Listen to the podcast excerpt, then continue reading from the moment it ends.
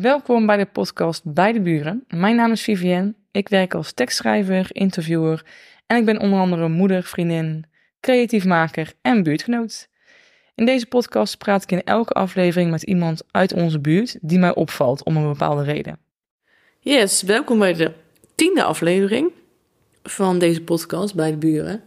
En deze aflevering is anders dan normaal, want ik interview vandaag niemand. Maar ik wil jullie meenemen in het proces van deze podcast. Mocht je het interessant vinden.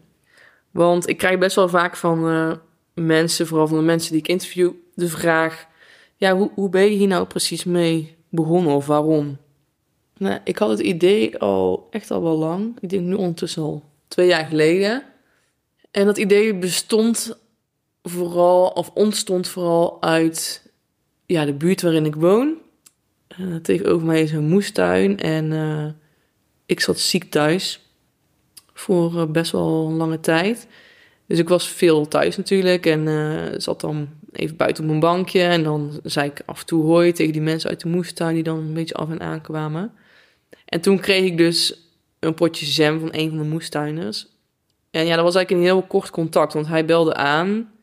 Hij wist ondertussen wel waar ik woonde, op welk huisnummer. En ik nam een potje jam aan, ik zei dankjewel en hij liep weer verder. En dat is natuurlijk hartstikke prima, gewoon een kort contact. Je hoeft ook niet meteen uh, te staan ouwe hoeren. Maar ik dacht wel meteen toen de deur dicht deed, oké, dit is eigenlijk best wel gek.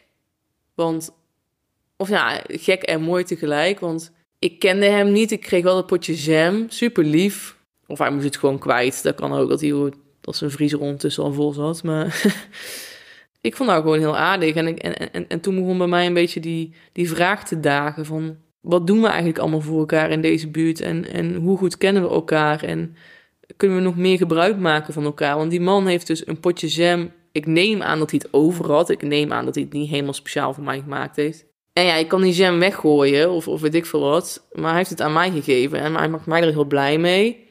Ja, je, je werkt aan verbinding. De volgende keer hebben we weer een wat langer gesprek. Um, het hoeft niet. Uh, misschien haal je er helemaal niks uit, maar misschien kan je ook wel iets voor elkaar betekenen.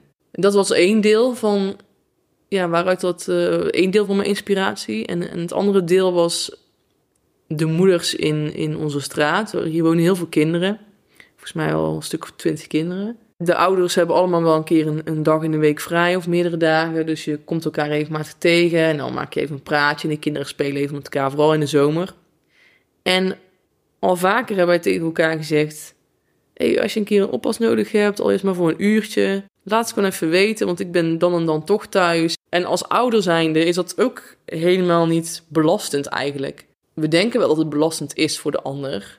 Maar als je erover praat, dan kom je er eigenlijk achter dat, het, dat niemand het vervelend vindt. En, en het misschien juist eigenlijk wel fijn vindt. Want dan kunnen die kinderen even met elkaar spelen. En dan kan jij even de afwas doen of zo. Daarbij is het voor mensen ook gewoon heel erg prettig om iets voor elkaar te kunnen doen. Niet per se alleen voor geld of dat er altijd iets tegenover staat. Maar het voedt onze zingeving om iets voor elkaar te betekenen. Dat is niet iets wat ik verzin natuurlijk, maar daar, vind je overal terug. Ik heb een uh, opleiding voor vitaliteitscoach gevolgd. Dat is al weer wat jaren geleden. Die opleiding begon heel erg over leefstijl uiteraard, maar ook al heel gauw over zingeving. Waardoor een vitaliteitscoach zich dus heel erg onderscheidt van een leefstijlcoach. Want die hebben het echt over leefstijl en natuurlijk ook van waar word je blij van, maar vooral over nou ja, wat stop je heel dag in je mond en hoeveel beweeg je nou eigenlijk. En dan hoort een stukje mentaal welzijn ook bij, maar bij vitaliteitscoach gaat het eigenlijk eerder, of gaat het eerst over mentaal welzijn en daarna pas over, over fysiek welzijn. Want op het moment dat jij een wens hebt wat te maken heeft met fysiek welzijn, dan ga je die wens waarschijnlijk nooit in, in vervulling brengen als je mentale welzijn ja, niet helemaal meekomt. Dus eerst moet het heel duidelijk zijn waarom je iets wil. En dan kom je heel erg op het zingevingsstuk. Mooi vond ik altijd is uh, als, als ik dan een, uh, een cliënt had of als we een, een, een proefcase deden. Nou ja, de meest gestelde vraag of meest gestelde wens is: uh, ik wil afvallen. Dus zo'n cliënt komt dan bij jou en, en die, die, ja, nou, wat wil je? Wat is je vraag? Wat is je wens? Ja, ik wil afvallen. Ik wil 10 kilo afvallen.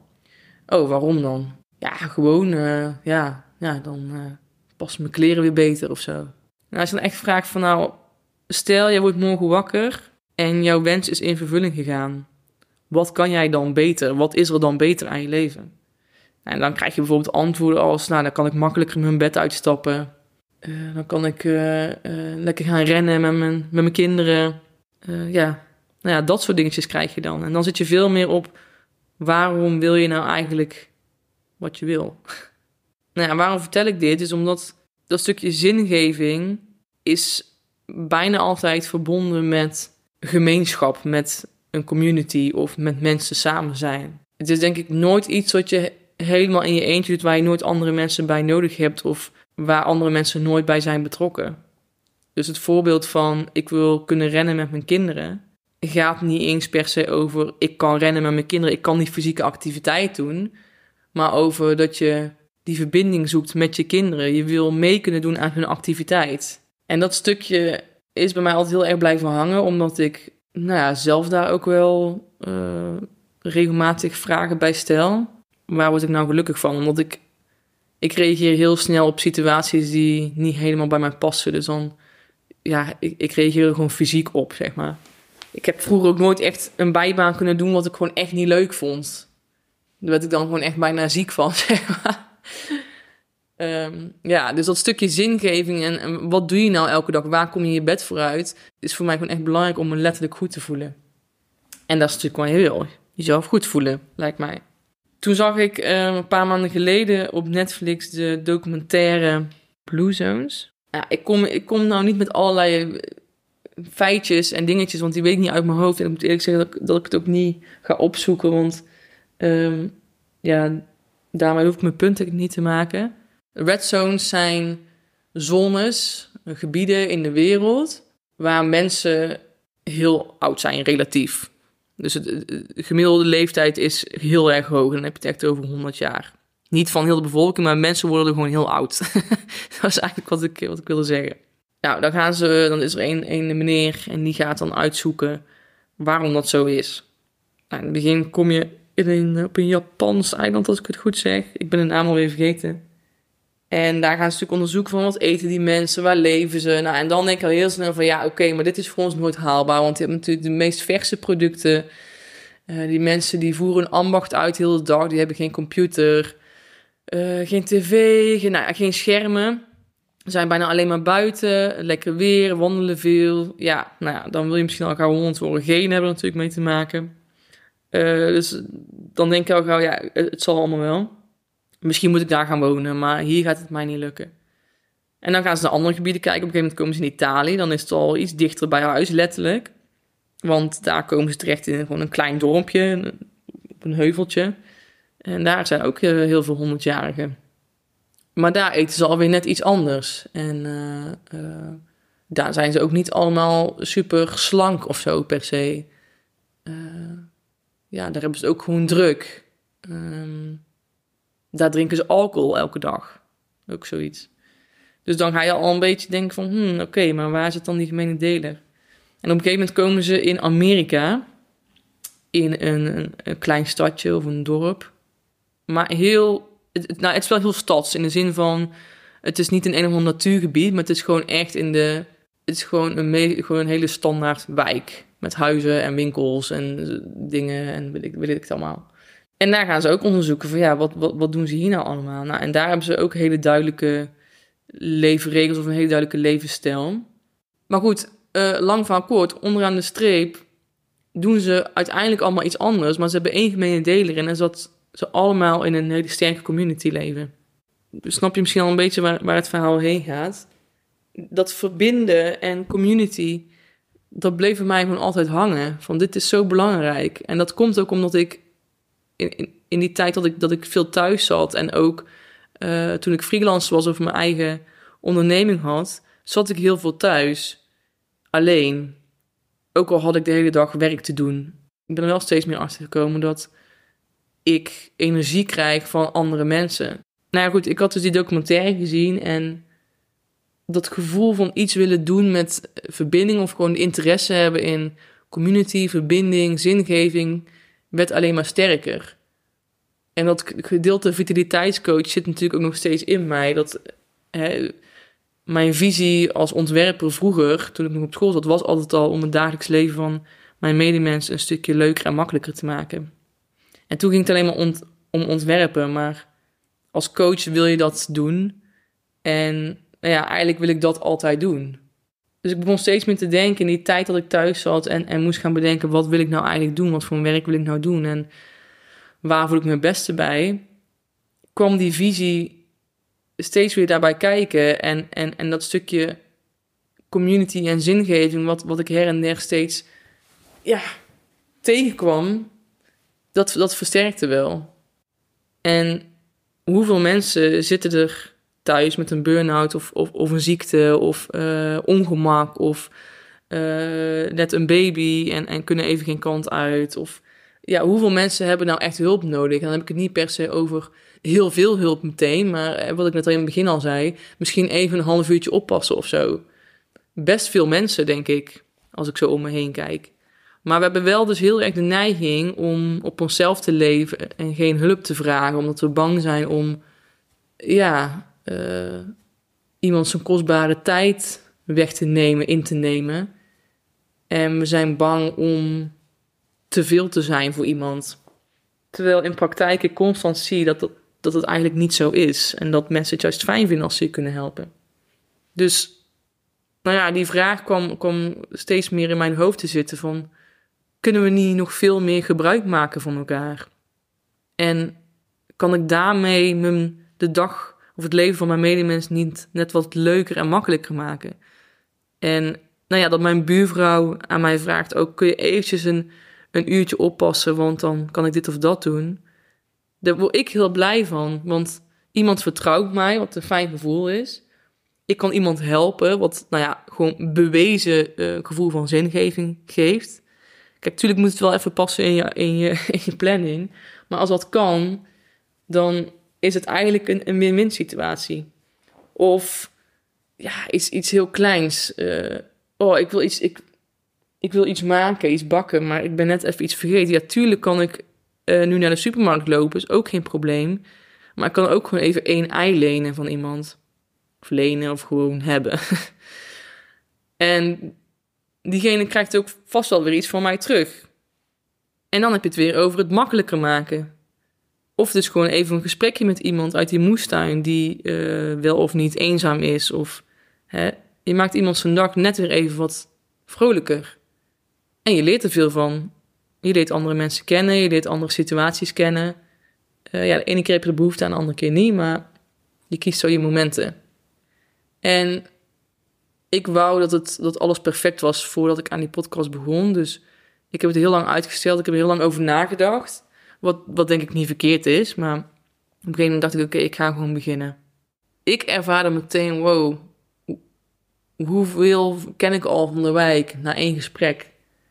En nu weet ik tenminste wie er achter me woont. Ja, wat is de toegevoegde waarde? Ik weet ook niet hoe het of ik dat in woorden kan, kan vatten, maar het maakt je gevoel van op je plek zijn en gevoel van ja, rust, vertrouwen. Maakt het gewoon iets sterker, denk ik. Misschien een soort sociale controle die je zelf creëert. Ik weet het niet. Ik weet niet of ik sociale controle nodig heb, maar ja.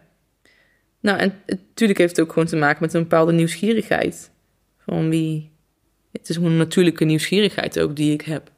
Nou, en toen ging ik naar Willem en Mong, zijn hond Mong, in het park. En daar was ik ook al zo lang nieuwsgierig naar. En zoveel mensen waren ook nieuwsgierig naar hem. En ik kreeg ook heel veel leuke reacties daarop. Oh, eindelijk weet ik wie hij is. Uh, ja, wordt je leven daar veel rijker van? Weet ik niet. Maar het is gewoon ten eerste een mooi verhaal. Het geeft ook kijken in iemand zijn leven, het geeft ook, of het neemt ook een stukje vooroordeel wat mensen hebben weg, denk ik.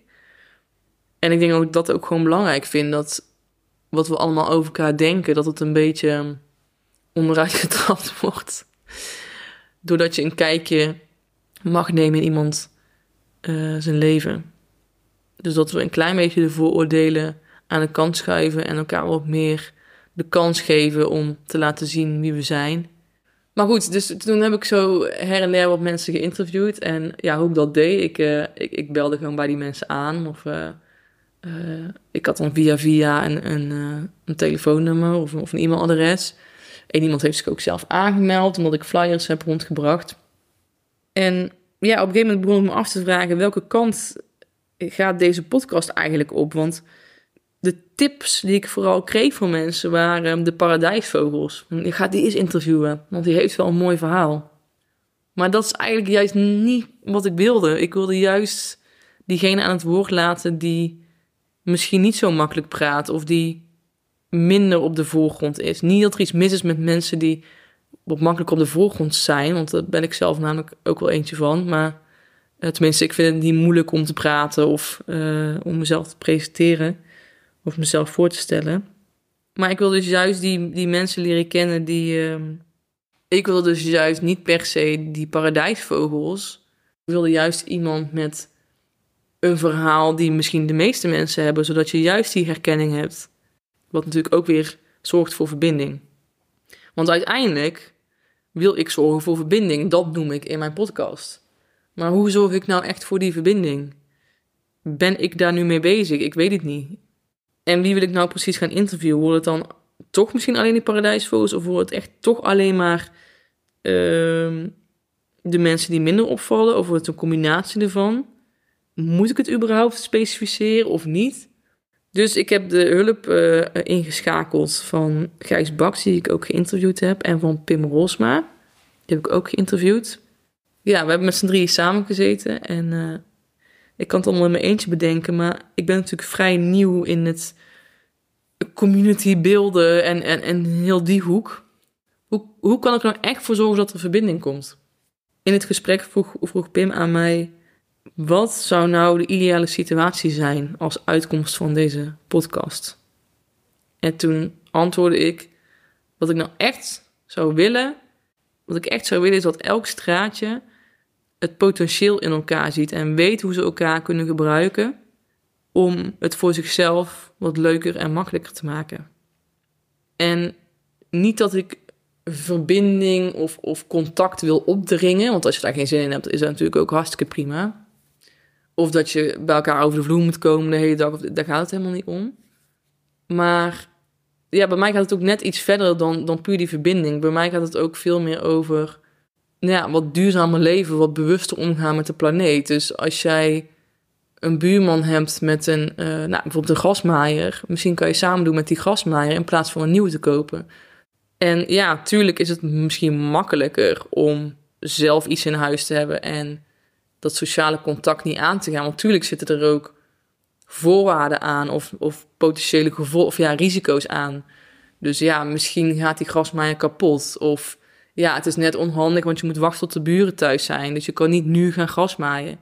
Maar zijn dat echt hele belangrijke dingen? Ik bedoel, ja, natuurlijk als het kapot gaat, je moet even een afspraak daarin, daar, daarin maken. Uh, maar is het echt zo erg dat je niet nu het gras kan maaien? En ja, dat je echt meer als community, community gaat leven en meer gebruik gaat maken van elkaar. En waardoor we er ook voor zorgen dat op heel klein niveau, op echt soort van microniveau, je toch ook meewerkt aan beter zorgen voor de planeet. Vind ik toch wel.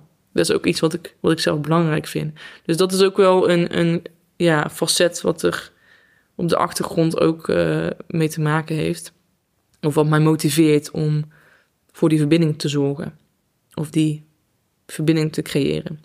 Wat dus uit die brainstorm naar voren is gekomen, wat bij mij een heel duidelijk gevoel gaf, is op kleiner niveau werken. Dus ik ga per straat ga ik mensen interviewen die daar mee willen werken.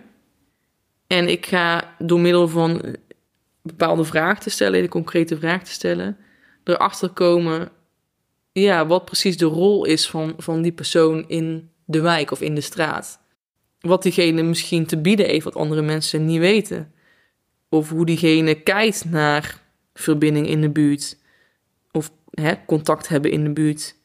Misschien is het wel iemand die daar helemaal niet van gediend is, ook prima. Of misschien is er wel iemand die eenzaam is en die af en toe wel eens een praatje zou willen.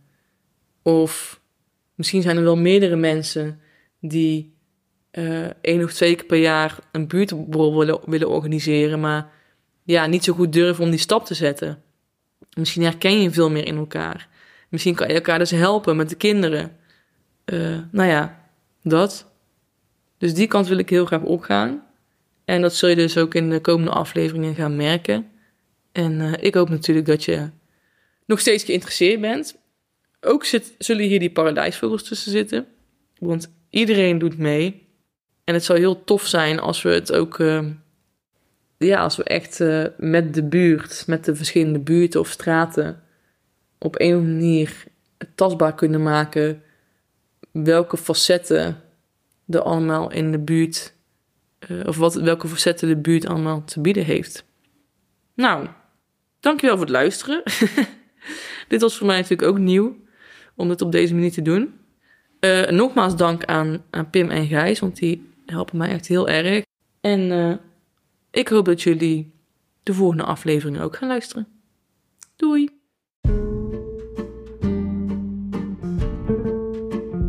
Bedankt voor het luisteren naar deze aflevering. Wil je op de hoogte blijven van nieuwe gasten? Volg bij de buren dan op Spotify of op Instagram.